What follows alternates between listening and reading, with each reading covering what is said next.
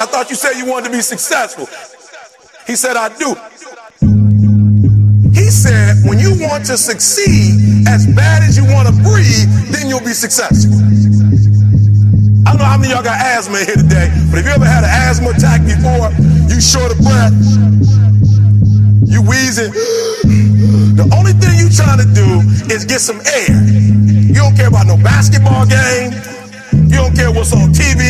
Care about nobody calling you. You don't care about a party. The only thing you care about when you're trying to breathe is to get some fresh air. That's it. And when you get to the point where all you want to do is be successful as bad as you want to breathe, then you'll be successful. And I'm here to tell you, number one, that most of you say you want to be successful, but you don't want it bad. You just kind of want it. You don't want it badder than you want to party. You don't want it as much as you want to be cool. You, of you don't want success as much as you want to sleep.